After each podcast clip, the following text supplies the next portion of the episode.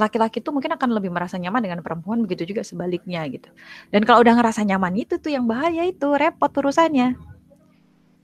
Semua jadi bener, yang salah-salah juga jadi bener. Ah nggak apa-apa lah, kan dia lagi dia lagi butuh temen. Aku mah cuman mau mendengarkan dia aja gitu, ngasih solusi. Dia butuh teman. Kata Bu Eva kan e, nanti takutnya dia kenapa-napa malahan melakukan hal-hal negatif. Waduh, kenal lagi saya tambah kredit dosa. Tring tring. Gitu. Gitu biasanya mulainya mulainya dari sana sih mulainya. Nyaman cerita es. Dengerin sih dengerin. Kamu sih Ali, Ali gimana? Eh ini saya nggak lagi ngomongin kalian saya lagi ngomongin diri saya sendiri beneran serius. Saya saya kayak gitu polanya tuh polanya tuh kayak gitu. Tapi ini cerita pengalaman pribadi saya. Saya alhamdulillahnya adalah karena kalau udah kita ngerasa nyaman dua-duanya ngerasa nyaman itu kita kayak susah banget untuk dapat perspektif lain.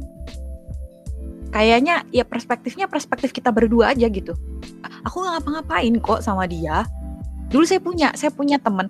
Dan kode rule-nya kita deket juga sampai sekarang ya. Tapi alhamdulillahnya dia sudah menikah gitu artinya saya juga deket sama saya deket juga sama istrinya gitu. Saya kenal sama istrinya dan apa namanya nggak ada masalah gitu. Maksudnya nggak ada masalah lanjutan lah.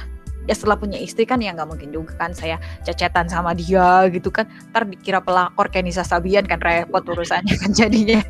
Nah jadi dulu ini pengalaman saya dulu yang saya rasain kayak gitu. Ketika kita udah sama-sama nyaman itu ketika ada orang yang kayak misalnya saya dulu punya teman kontrakan yang dia juga ahwat yang wah soleh hafisan gitu. Terus dia coba ngasih tahu kan kamu ini deh kamu kayaknya terlalu deket deh sama si ini. Itu saya nggak terima langsung. Ah enggak biasa aja kok. Aku emang kayak gitu anaknya kalau bergaul. Biasa aja aku cuman kalau dia lagi butuh apa ya aku kasih masukan. Kalau misalnya aku lagi butuh sesuatu, aku butuh masukan juga aku cerita ke dia, nanti dia kasih masukan. Udah sebatas itu aja profesional. Padahal kenyataannya demi Allah enggak kayak gitu. Itu itu saya sendiri ya. Enggak kayak gitu. Beneran enggak kayak gitu. Artinya, maksudnya gini, ketika kita cerita emang betul yang kita ceritakan tuh kayak misalnya tentang kuliah, yang kita ceritakan itu juga tentang kayak gini lah ya. Uh, organisasi misalnya, memang yang diceritakan itu, tapi yang kita rasakan, karena rasa itu kan nggak pernah bohong ya, kata iklan. dan ras yang yang bisa ngerasain ya cuma kita sendiri. Dan personally saya merasa bahwa rasa yang kita obrolin memang itu, yang kita bicarakan memang itu, tapi yang saya rasakan lebih dari itu. Kalau cuma ngobrolin tentang kayak gitu, harusnya saya bisa memilih siapa saja dong kalau tentang kuliah mungkin saya prefer dengan teman-teman sekelas saya misalnya. Atau kalau misalnya tentang organisasi teman di organisasi kan nggak cuma dia ada banyak. Kenapa saya harus memilih dia? Ya karena rasa tadi akhirnya teman saya itu mungkin ya kata asasnya asasnya kan kita kalau di organisasi kan uh, dibilangnya dimintanya untuk selalu husnuzon kepada saudara kita ya. Dia dengan asas husnuzon ke saya akhirnya dia oh ya udah kalau gitu yang penting kamu jaga diri aja ya, jaga hati. Oke, okay. saya bilang iya oke okay, kok nggak masalah. Saya bersyukur sekalinya adalah kalau udah di di kondisi kita terjebak di kondisi kayak gitu maka ada yang berani untuk mengambil jadi pada waktu itu akhirnya saya mikir, saya kepikiran, saya, saya setelah dikasih tahu ya sama meskipun di depannya teman saya itu tuh saya bilang kayak gitu, saya di belakang tuh sebenarnya mikir gitu sih. Kalau saya mau jujur sebenarnya, akhirnya waktu itu saya mencoba menganalisis, mengakses diri saya sendiri. Waktu itu komunikasi saya dengan si teman saya itu tuh intens sekali. Sehari itu kita bisa ngobrol banyak hal dan hampir setiap hari akhirnya saya challenge diri saya sendiri. Kamu kalau misalnya emang ke dia biasa-biasa aja harusnya kamu gak ngehubungin dia gak masalah. Jadi saya berusaha sekuat tenaga untuk tidak menghubungi dia duluan. SMS ya pada waktu itu. Itu cewek banget bu asli. Nah iya jadi maksudnya sebenarnya saya mau mengakses mengakses diri saya sendiri. Sebenarnya yang saya saya rasakan ini valid atau enggak sih Nih ketika saya mencoba untuk menyeret logika saya masuk ke dalam rasa-rasa itu gitu, memecah belah rasa itu. Jadi coba saya assessment. Kalau ternyata nggak ada, kalau ternyata saya bermasalah, kalau saya nggak menghubungi dia atau dia nggak menghubungi saya dalam rentang waktu tertentu, waktu itu saya bikin uh, seminggu dan saya merasa ada hal yang aneh atau saya merasa nggak enak atau saya merasa ingin menghubungi dia berarti saya ada masalah berarti ini nggak cuma sekedar hubungan profesional tapi berarti lebih dari itu. Waktu itu ternyata iya. Saya mengkonfirmasi itu sendiri ya. Saya mengkonfirmasi itu sendiri. Waktu saya mencoba untuk saya nggak menghubungin dia dan dia juga nggak nggak ngehubungin saya dia ngehubungin saya tapi saya coba nggak bales ya. Kalau memang itu tidak terkait dengan hal yang sangat profesional sekali dan urgent saya nggak bales itu ternyata sayanya sendiri tuh kayak, duh balas lah, balas lah, balas dong, aduh kenapa sih balas aja, duh kayak pengen cerita, kayak pengen apa gitu, karena ya tadi saya ngerasa nyaman, akhirnya confirm saya tidak ber, maksudnya berarti saya ada masalah gitu sama dia. Nah akhirnya saya mulai tuh, ya, karena logikanya berhasil ke bawah,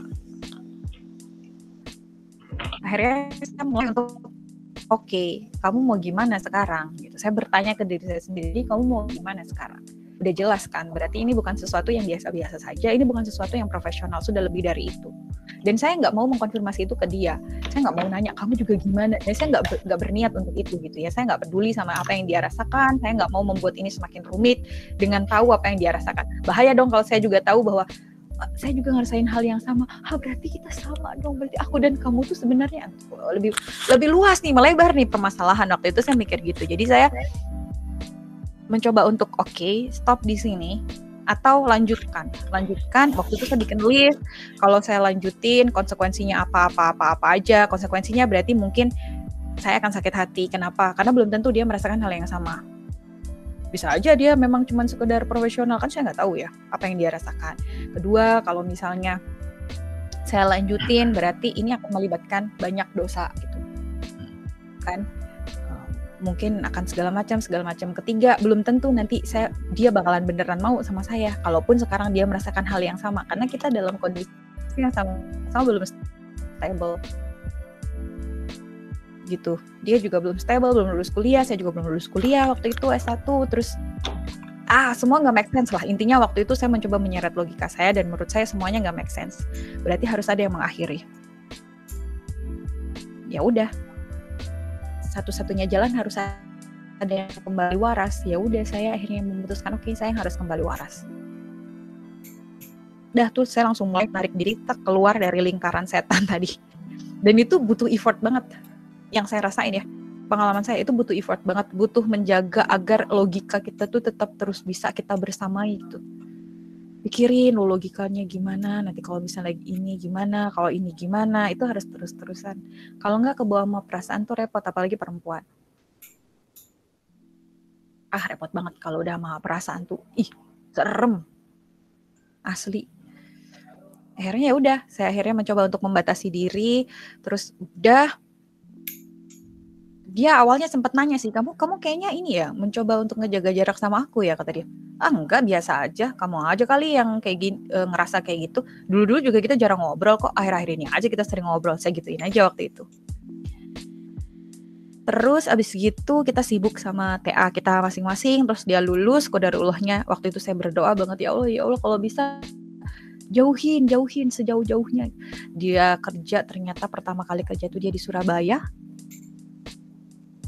saya di Bandung dia di Surabaya. Ya udah dia jauh kan?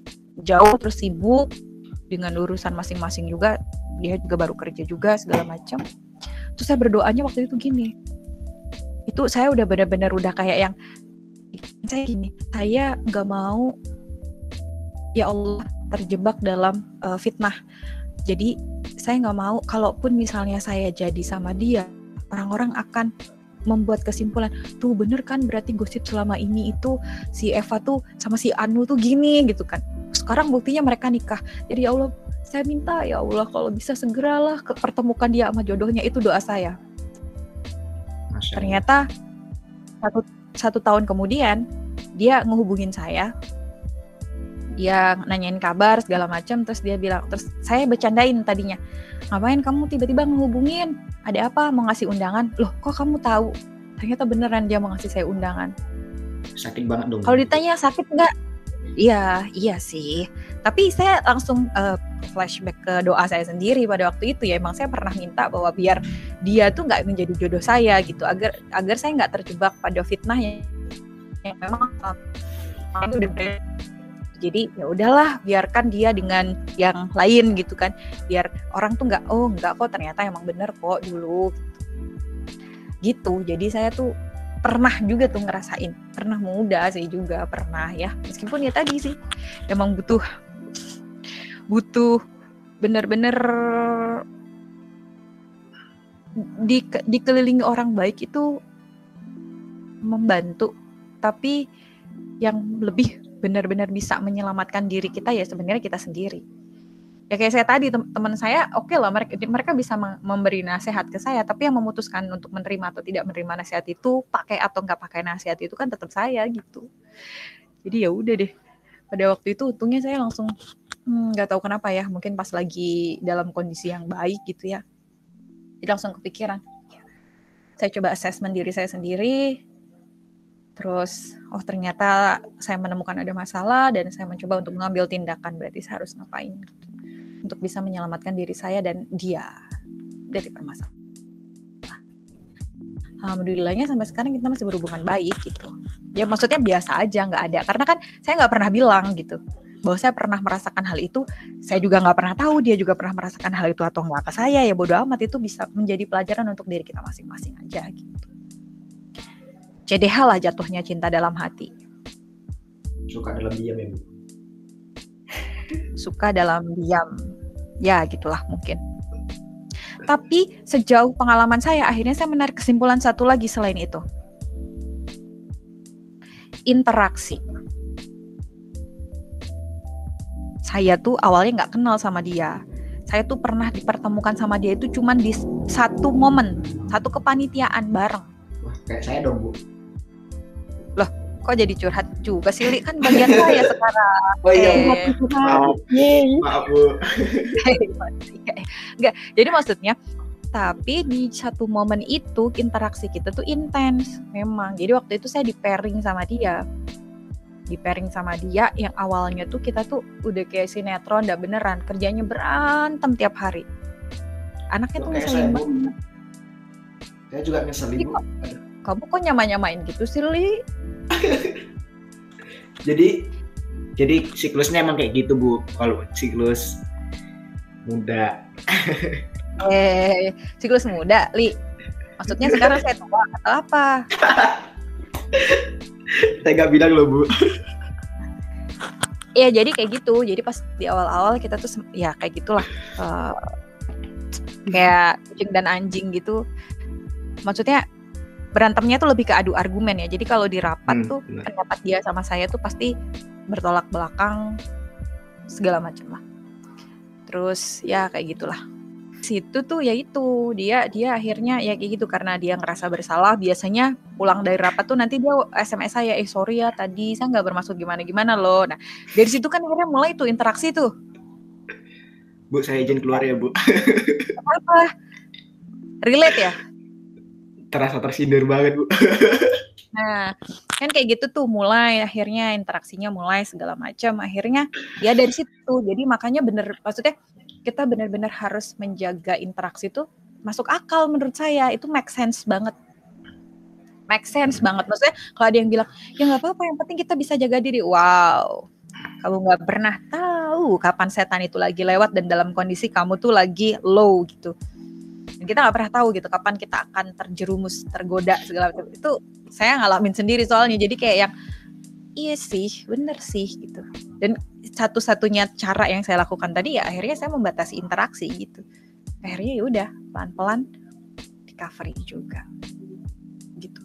Meskipun saya tetap ya pada prinsip saya saya tidak akan memblok saya tidak akan memutuskan hubungan sama orang-orang yang udah pernah berinteraksi sama saya apa pun bentuknya ya maksudnya itu udah dari dulu sih saya pakai. Jadi ya termasuk sama orang-orang macam ini pun saya berusaha untuk tetap karena saya nggak pernah tahu masa depan akan gimana dan mungkin satu saat dia sekarang jadi jauh di di Kalimantan kalau nggak salah. Di Kalimantan atau di mana lah gitu jadi PNS jadi jauh jauh banget gitu.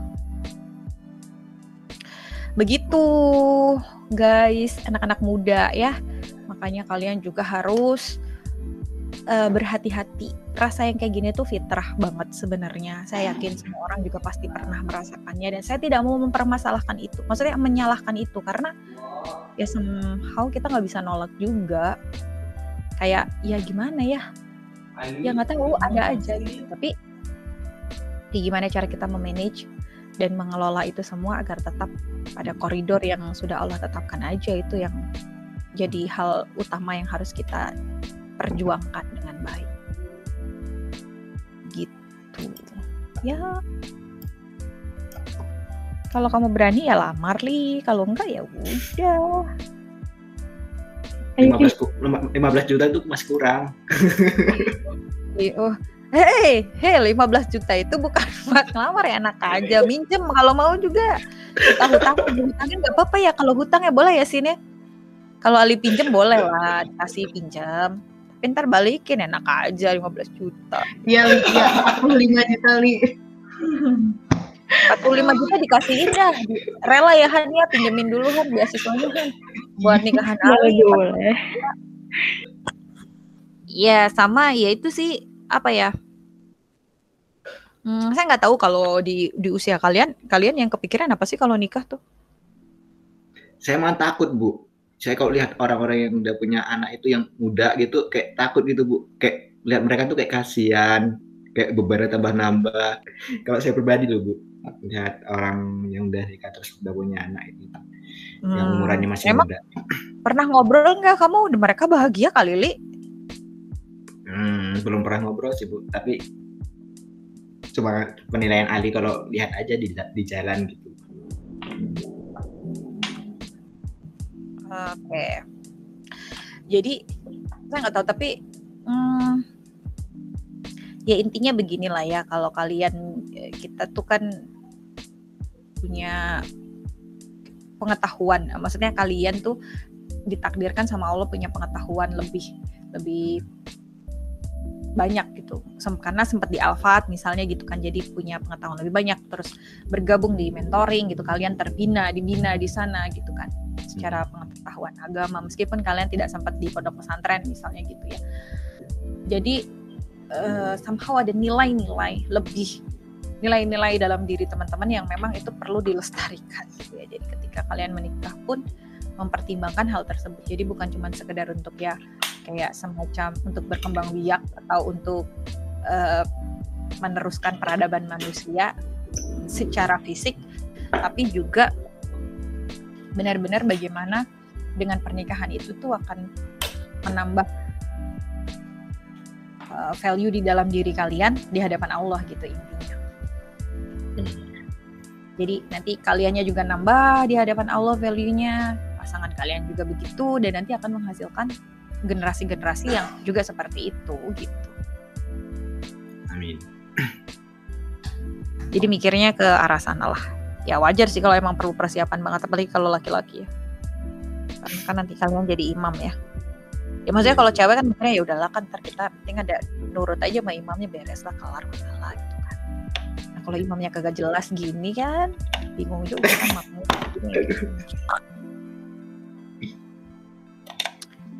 silahkan dipelajari dulu ya Bapak Ali ya. Nanti kalau emang udah beneran butuh nggak apa-apa bilang aja nanti bisa dipinjemin uangnya. Aduh udah gak kuat di sini. Kalau nikahnya sekarang cukup lah, kan nggak boleh rame-rame, tidak boleh berkerumun sekarang mah lagi pandemi gini. Oh iya ya Bu, bener juga ya Bu. 15 iya. juta cukup ya Bu. cukup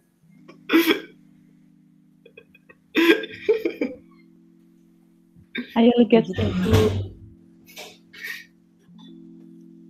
Ya begitulah kira-kira ini kenapa jadi ke mana-mana sih kita ngobrol ya. Ini gara-gara Bu Eva nih ceritanya nyindir Ali banget. Iya enggak nyindir, saya kan curhat, eh bukan curhat ya, berbagi experience saya dulu. Maksudnya biar kalian nggak terjebak di permasalahan yang sama karena itu tip, tipis banget gitu. Jadi kayak kalau kita lagi nggak sadar, lagi ada di kondisi itu, itu kita tuh nggak menyadari bahwa itu tuh keliru gitu. Terus kadang diingetin juga nggak terima gitu nggak mau terima gitu. Dan itu saya rasain banget dulu. Gitu loh maksudnya li. Bukan menyindir saya mau ngapain? Saya nyindir. Tapi saya bersyukur gitu. Paling nggak saya sekarang kalau misalnya ada anak yang cerita bahwa oh saya lagi gini bu gitu ya atau ada ahwat gitu. Notabene dia ahwat ikhwan yang sebenarnya udah tahu nih hubungan apa pola hubungan terus interaksi itu harusnya gimana tapi mereka masih terjebak dengan hal seperti itu ya menurut saya ya wajar. Kita tuh semuanya manusia kok dan saya juga dulu pernah merasakan hal itu. Jadi lebih bisa kayak relate aja gitu. Oh iya. Oh iya mereka lagi di usia itu kok jadi wajar dan kalau dikerasin tuh nggak bisa biasanya misalnya kalau langsung nggak boleh kamu kan udah tahu itu hukumnya kayak gimana. Besok nggak datang lagi dia.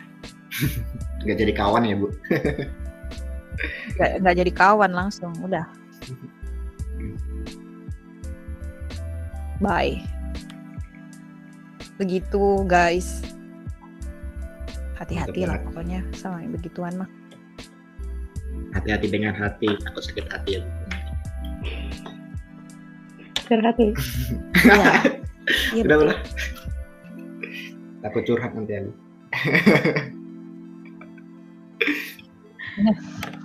curhat sih Ali.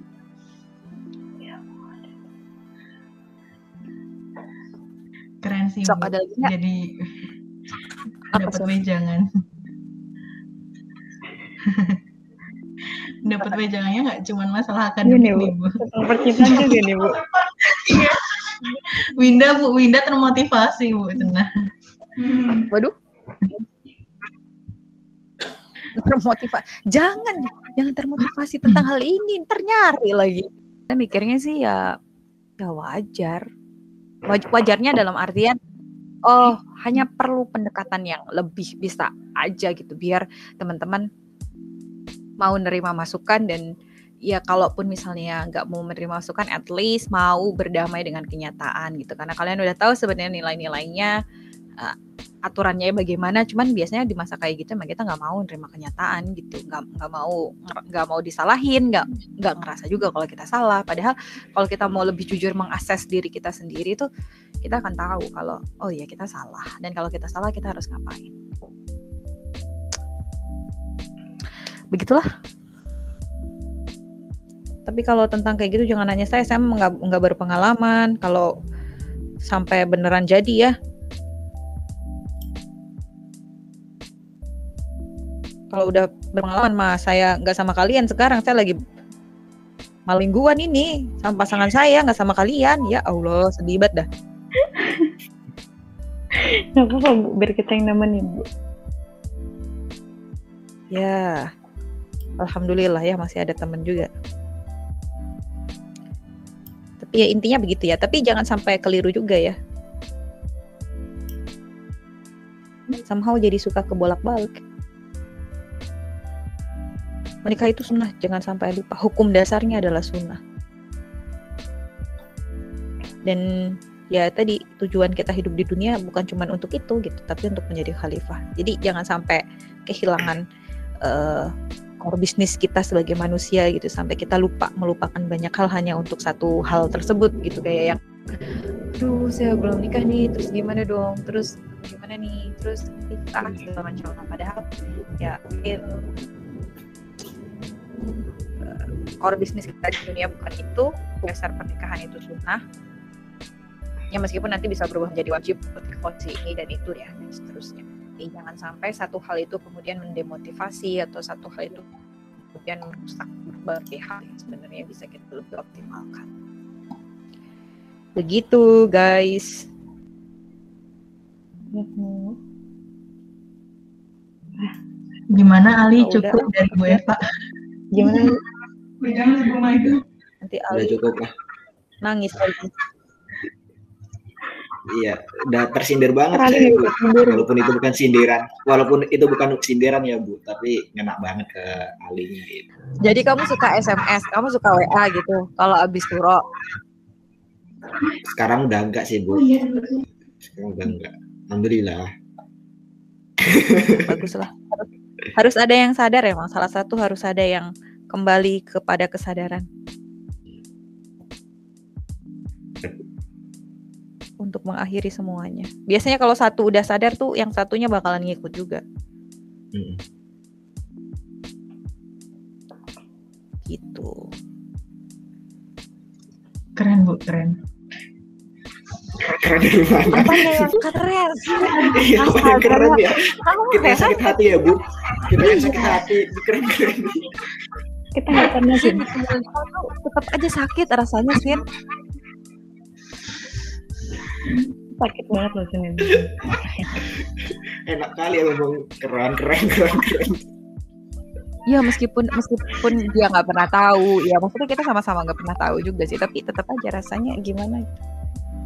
Saya datang loh tapi ke pernikahannya, datang saya maaf, anaknya, uh, saya bela-belain nikahannya dia datang. Temen, jadi di antara temen kita satu angkatan anak IF itu yang datang ke pernikahan dia tuh cuma tiga orang. Saya temen deketnya dia ada Ikhwan temen deketnya dia. Maksudnya ini yang anak-anak anak-anak LDK ya? Anak-anak LDK ya kalau yang teman-teman kelas saya nggak tahu. Karena dia beda kelas sama saya meskipun kita satu angkatan IF tapi beda kelas. Hmm, temen-temen deketnya dia ada sahabatnya dia Ikhwan saya sama satu lagi teman Ahwat yang saya paksa untuk nemenin saya itu. Temenin saya dong temenin dong gue masa ke nikahan eh, Ikhwan sendirian Ahwat gitu kan. Ah nggak sopan nanti gimana dipandangnya? Kamu mau ya temenin ya? Ya udahlah mau. Untung dia baik hati si Ahwat ini. Mau nemenin. Udah cuman kita doang bertiga ah begitulah nanti ceritanya jadi sedih. Ya enggak sih enggak sedih sih. Baik, pas itu aja sedihnya. Pa- pas dikasih undangan doang cuman pas udah udah pas di hari hanya mah enggak biasa aja ternyata. Saya kira bakalan sedih gitu ya. Untung saya nggak alay kayak yang viral-viral itu. Enggak kok pas waktu udah udahannya mah biasa aja. Tapi saya punya temen pengalamannya mirip sama saya temen yang tadi nasehatin saya ingat kan tadi saya cerita ada temen yang nasehatin saya ya dia juga ternyata diam-diam punya punya CDH-an juga. Tapi masalahnya dia sempat berbalas. Jadi ketika dia sadar, tadi kan kalau saya saya sadar, saya menarik diri, saya diem. Saya nggak ngomong apa-apa, saya nggak mengkonfirmasi, saya nggak nanya, saya nggak apa pun. Ya udah saya diem, saya mau menarik diri dan saya meminta agar bukan dia jodoh saya. Nah, teman saya ini bedanya adalah bedanya bedanya di solusinya. Teman saya ini tadi tuh ketika dia sadar, dia menarik diri. Caranya gini, dia bilang ke ikhwannya, "Eh, mohon maaf, sepertinya ada yang salah dengan pola hubungan di antara kita. Eh, saya merasakan sesuatu lah intinya ke kamu. Ikhwannya juga bilang akhirnya dia juga merasakan sesuatu ke si Ahwat ini. Tapi dia juga sadar bahwa ini salah. Ya udah kalau gitu sekarang kita sama-sama aja memperbaiki diri. Kalau jodoh nanti kita juga pasti akan dipertemukan. Masalahnya di situ. Karena ada harap jadinya.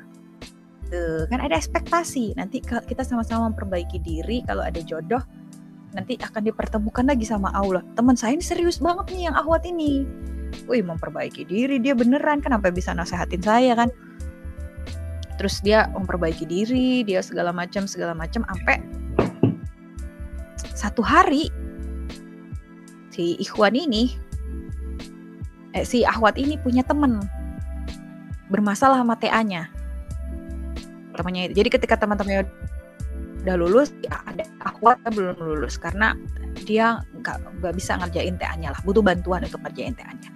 Teman saya ini tahu Ikhwan ini tuh pintar dan baiklah mau nolong. Minta tolonglah dia ke si Ikhwan ini. Eh tolong dong bantuin teman aku ngerjain TA-nya codingin apa segala macam. Si Ikhwannya mau nih bantuin. Deket kan mereka. Namanya juga lagi ngerjain TA ya kan? Bareng kan? Banyak nanya segala macam. Interaksi pasti intens. Tadi udah ada rumusnya kan? Interaksi itu menjadi katalis mempercepat tumbuhnya hal-hal yang semacam itu tek tek mereka diam diam diam diam nggak tahu gimana ceritanya. Teman saya sih memperbaiki diri nih ceritanya nih. Begitu mantau mantau amat kan. Eh tahu-tahu dapat surat undangan dia mereka nikah ini berdua. Beneran loh itu kenyataan loh. Asli lah sumpah. Saya menjadi saksi. Itu, beneran. dan itu nggak- nggak ada rasa sakit ya bu? Hah? Gak ada rasa sakit ya sakit banget tadi lagi sibuk memperbaiki diri. Nanti kalau jodoh dipertemukan eh eh Iwan ini malah nikah Wah, sahabatnya sendiri serius. Teman saya masuk rumah sakit itu. Masuk rumah sakit sampean. Beneran sakit. Sampai pas waktu masuk rumah sakit itu dia nggak mau ditungguin sama sahabat-sahabat dia yang lain. Jadi saya sama dia itu beda jurusan saya sama teman saya itu beda jurusan. Jadi pas waktu dia sakit dia tuh ditengokin sama teman-teman yang sejurusannya dia. Termasuk ya ada yang kenal dengan si Ahwat yang nikah sama Ikhwan ini tadi. Dia nggak mau nggak mau. Teman-temannya mau nengokin aja sama dia. "Eh, Mbak bisa nggak kalau misalnya nengokinya bentar aja? Katanya gitu. Saya mau istirahat. Pasti dia alasannya gitu. Jadi dia nggak mau maunya cuma ditungguin sama saya doang sama teman-temannya yang satu jurusan yang kenal sama Ikhwan ini atau yang kenal sama Ahwat ini tuh dia nggak mau lah. Nggak mau berhubungan sama orang-orang itu lah. Orang-orang di masa lalu sampai segitunya. Itu cukup lama tuh. Ya ngalamin itu sampai dia ber- berdamai dengan keadaan sudahlah berarti emang nggak jodoh berarti emang segala macam mungkin levelnya udah beda nah dan seterusnya. Dan seterusnya. dia mencoba membuat rasionalisasi untuk dirinya sendiri lah. Akhirnya ya udah dia mengikhlaskan nah jadi gitu. Makanya kenapa saya milih untuk wah, wah saya mikir wah untung cara saya ini tidak pakai ekspektasi gitu gitu bahaya soalnya. Ah udah panjang ceritanya. Ntar kalau pengalaman pengalaman gituan mah tenang aja ada banyak sih segunung. Kalau pengalaman saya nggak banyak sih. Pengalaman orang-orang nggak tahu kodarullah tuh ya teman deket saya gitu ya teman yang deket banget yang kayak gitu-gitu tuh lumayan banyak dan saya menjadi saksi atas kisah-kisahnya mereka Ci ya gitu ntar lah lain kali kita sharing. Bahas sendiri itu satu topik. Dibuat novel bagus tuh bu. nggak takut. Ntar sedih lagi. Bestseller bahaya nanti saya diundang ke mana-mana gitu. Eh jangan-jangan ada ya yang gitu juga ya? Eh ntar ya kita memperbaiki diri dulu. Ntar kalau kita jodoh juga akan dipertemukan lagi sama Allah. Hati-hati. Bener itu mainannya setan. Beneran itu lah Biasanya cowok tuh bu, kayak suka kasih harapan gitu ya bu. Iya sih. Bener kalau yang perempuan tuh biasanya tuh relatif kalau udah dibilang kayak gitu ya dia benar dia fokus akan memperbaiki diri segala macam. Yang cowok mah enggak cowok mah tetap sama. Koleksi seleksi resepsi ini tuh rumusnya. Bener-bener, bener banget bu. jadi kenal kenali dulu banyak ahwat koleksi dulu. Maksudnya nggak dalam meaning harus semuanya jadi pacar gitu ya, tapi dia punya koleksi banyak nih referensinya banyak nah, ntar diseleksi. Ah, yang mana gitu. yang ini nggak masuk yang ini nggak masuk yang ini kayaknya apa segala macam ah ini orang tuanya terlalu kaya misalnya. Ah kayaknya saya minder nih sama yang ini. Yang ini terlalu pinter. Ah minder saya ntar saya dibego-begoin gitu. Ah. Udah ketemu yang cocok baru dah resepsi. Gitu kan li? Ya kan, Li? rumus umum rumus umum ya rumus umum ya. Ada modifikasi dikit-dikit lah. Iya bu, bener bu. mostly laki-laki tuh kayak gitu jadi para perempuan jangan terlalu Berhak. berharap semua laki-laki seperti itu ternyata Bener, bener bu, bener banget tuh. Kok ibu bisa itu ya bu? Bisa tahu gitu ya bu? tahu dong Jadi Ibu Kan bisa baca mempelajari juga. Oh betul sekali. Saya saya suka banget belajar tentang orang tuh. Maksudnya pola-pola manusia, pola-pola perilakunya orang. Terus nanti saya amati, termasuk saya meskipun objek utamanya tetap diri saya sendiri ya. Misalnya saya mencoba untuk mengakses diri saya sendiri. Oh kalau saya lagi sedih itu gimana? Oh bagaimana saya mengontrol emosi saya? Gimana saya biar nggak terlalu kecewa banget terhadap sesuatu dan lain-lain tuh. Saya pakai diri saya emosi. sendiri sebagai objek. Saya biasanya pakai diri saya sendiri sebagai objek. Ya kalau saya gagal ya itu jadi pembelajaran. Kalau saya berhasil itu juga jadi pembelajaran kayak gitulah. Nanti saya bisa sharing, saya bisa cerita dan itu berdasarkan dari pengalamannya saya, sendiri gitu. Hasil eh, yang saya temukan gitu dari mengakses diri saya sendiri. Biasanya nanti saya compare nih kalau di orang lain tuh kayak apa sih kalau dapat masalah kayak gitu-gitu. Dan setiap orang tuh beda-beda banget, nggak bisa digeneralisasi. Sebenarnya kayak tadi saya bilang itu rumus umumnya aja, tapi mungkin di setiap orang akan punya modifikasi masing-masing sedikit-sedikit. Gitu. Tapi rumus umumnya memang seperti itu. Itu hasil saya ngobrol juga sama banyak laki-laki dari us berbagai range usia. Usia balik pastinya ya. Kalau adik saya masih belum balik, saya tanyain dia pusing. Saya tanyain adik saya ya. Bahasanya adik saya umur 10 tahun saya tanya. Ditanyain sama kakaknya yang lain bukan saya. Dek, kamu kakak kamu milih kayak gimana? Kata dia. Ya ya oleh lah mbak. Hmm, yang kalau misalnya nih ada, ada yang cantik tapi nggak soleh. Terus ada yang jelek, bisa kamu pilih yang mana? Yang jelek tapi soleh mbak. Ya tapi jangan yang jelek-jelek banget lah mbak. Kata dia gitu. Which is, ya semua laki-laki tuh sama aja. Mereka pasti akan mempertimbangkan penampilan. Itu kesimpulan saya pertama. ya kan, 10 tahun. Apalagi yang udah berpuluh-puluh tahun kayak Ali. Tahun, eh puluhan tahun kayak Ali. Jangan Li, Aduh Bu, dari tadi nyindir saya kayaknya nih.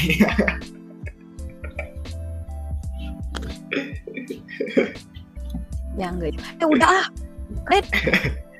Asik bu, asik Udah. bu. Malam minggu bu. Iya Bu, kita kan Oh, iya. gabut nih. Oh, iya ya. Topiknya jadinya percintaan ya. Topik gimana? Ali lagi Bu. jatuh cinta, Anda juga. Ini dibuat podcast bagus banget loh Bu. Langsung trending loh Bu. Ali udah nge-record tuh. Ya udah, yuk. podcast.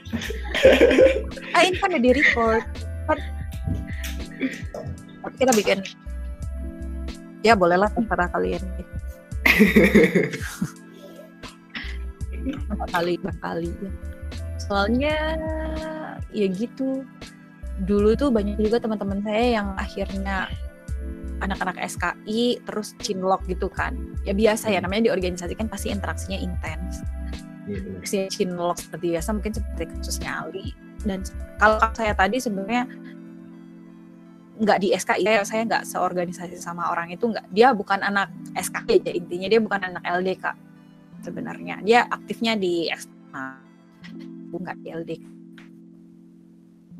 terus eh kalau di LDK tuh ada lah terus pas waktu ketahuan misalnya mereka pernah berdua ngapain gitu ya ketahuan nih. Biasanya Hmm. suka langsung didudukan atau ya dipanggil gitu yang ikhwan dipanggil ahwatnya dipanggil didudukan terus ditanya kayak semacam di sidang gitu. Besoknya nggak datang lagi asli. Besoknya deh yang surau udah gak bisa itu orang. Udah susah. Udah nggak bisa di reach. Segala macam. Dari situ saya belajar aja oh oke berarti emang nggak bisa tuh digituin berarti harusnya nggak dibegitukan Hmm. Harusnya ada treatment lain gitu entah gimana caranya. Dulu saya belum bisa terima banget pada waktu itu ya karena saya belum ngalamin sendiri.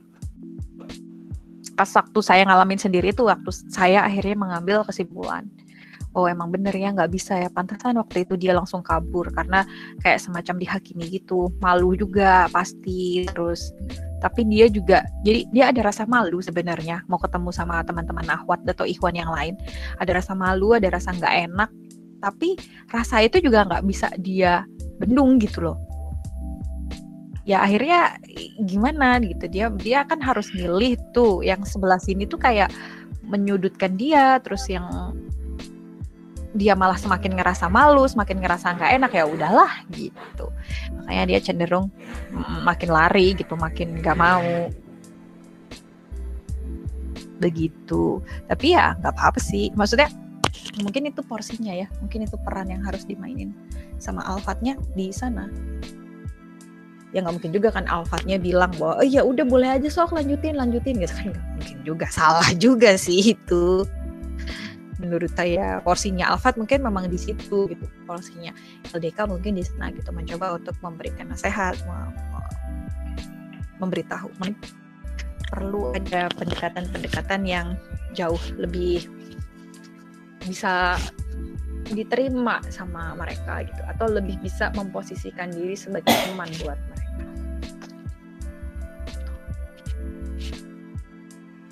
Kalau kalian jatuh bilang ya, kasih terima apa ya mendengarkan kisah cinta kalian. Kali aja nanti jadi inspirasi saya nulis blog. Hmm, Saya punya blog loh, BTW. Halo, Bu? Saya saya punya blog loh. Kalian baca blog saya biar agak-agak nambah tuh view-nya. Boleh, Bu? Apa tuh, Bu? Mau bu, mau bu. Bagi link aja bu, nanti kita komentar. Bagi Bisa link bisa aja, komentar Bu. aja. Bentar, bentar. Bisa, bisa komen. Eh, kok sih? Kok nggak ke kiri sih? Ah, itu dia. Ya, belum banyak sih. Baru Ini berapa sebenarnya bu? Aifa Nuril. Saya di email blognya ibu juga Aifa Nuril ya bu. Iya, nama saya lah. Oh iya, taunya Bu Eva Nur Hazizah. Kok bisa-bisanya ibu Aifa Nuril? Jadi Apa? baca blog saya dong. Saya cerita kok di situ. Oh, salah ya. Wah, Nggak penting banget. Apa apa nama Nuril itu yang Jadi nama cowok tadi bu? Bukan, ye elah. kali saya enggak se jadi ceritanya waktu itu eh, bapak saya punya kenalan seorang kiai gitu seorang kiai yang di yang cukup terkenal lah di daerah saya nah terus satu hari kita main ke sana. Ingat banget waktu itu kita main ke sana. Saya udah cukup gede lah. Maksudnya nggak yang kecil banget gitu saya terus ditanya lah Mbah Kiai itu hanya "Ya, namanya siapa gitu kan. Bapak saya memperkenalkan oh ini mbah anak saya gitu gitu kan. Terus ditanya namanya siapa? Terus saya menyebutkan nama lengkap saya kan. Eva Eva mbah. Eva siapa? Eva Nurhalizizah terus dia diem ah bagus namanya. Aifa Nuril Azizah kata dia bah saya Eva Nur Azizah. Aifa Nuril Azizah kata dia kayak gitu. Artinya yang terjamin. Saya mikir wah bagus ya. Namanya Aifa Nuril Aziza gitu. Kan yang terjamin. Oh itu berarti nama saya mbah? Iya nama kamu tadi gitu. Akhirnya dari situ eh kalau untuk nama-nama yang tidak formal gitu ya yang itu tidak akan melibatkan saya, saya harus buka legal saya gitu. Maksudnya bukti legal nama saya kayak KTP atau apa saya pakai nama itu gitu sejak saat itu. Kecuali kalau misalnya kayak di acara formal yang mungkin nanti kayak penulisan sertifikat harus sesuai dengan nomor KTP segala macam lah nama di KTP dan lain-lain baru saya pakai nama yang sesuai hukum lah ya. Tapi kalau kayak email nama di sosial media yang kira-kira di situ saya nggak perlu sama-sama nama di KTP ya saya pakai nama itu Haifa Nuril Aziza begitulah kira-kira guys. Jadi dua-duanya Keren, anak saya juga kok. Keren banget.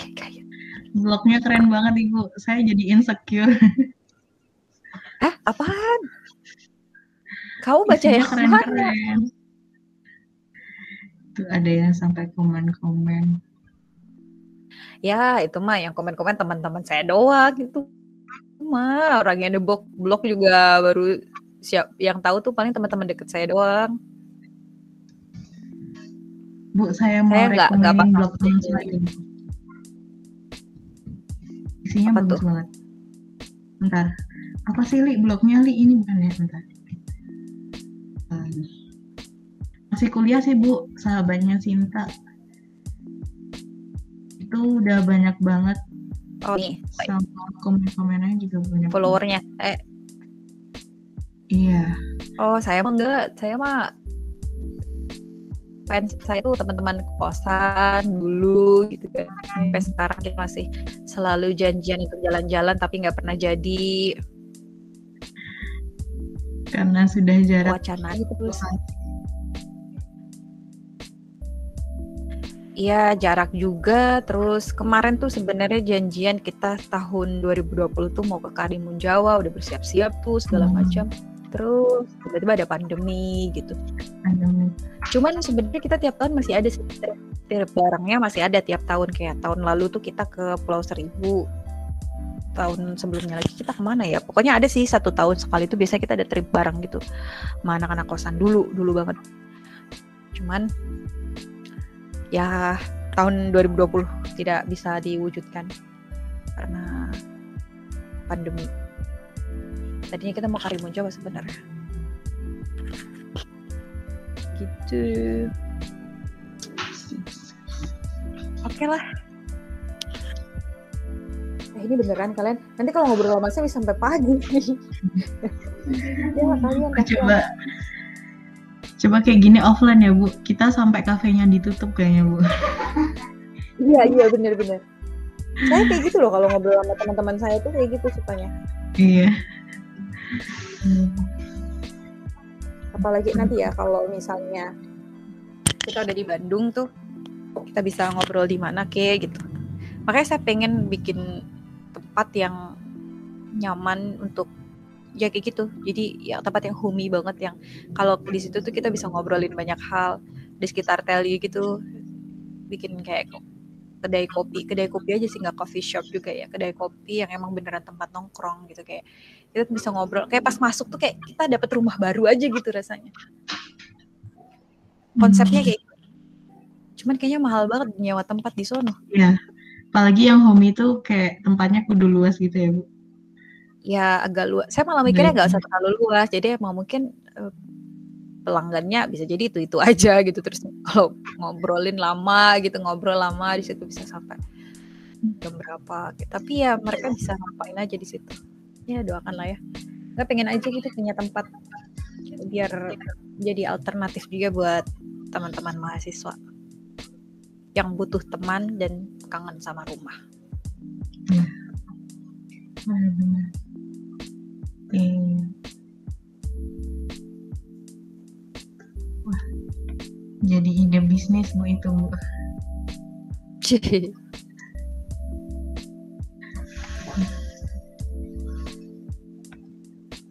Ali gimana Li? Udah cukup Li? cukup li ngantuk Ali udahan Udah lemes dari tadi dibantai. Sama Bu Eva. Kok saya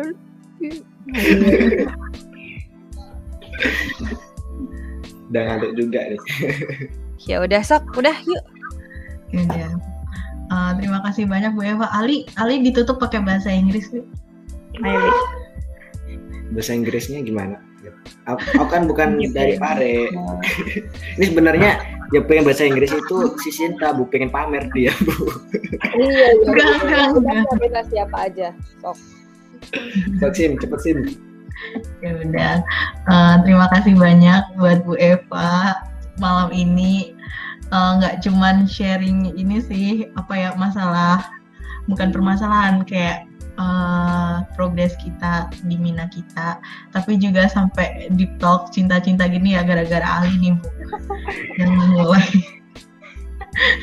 tiba-tiba sampai ke sana wah orang aja bahasanya ke mana-mana iya betul betul Ya, banyak banget belajar dari Bu Eva sih, Bu. Nggak cuma akademik, tapi juga masalah cinta juga belajar dari Bu Eva. Kayaknya pakarnya gitu. ya Allah sedih banget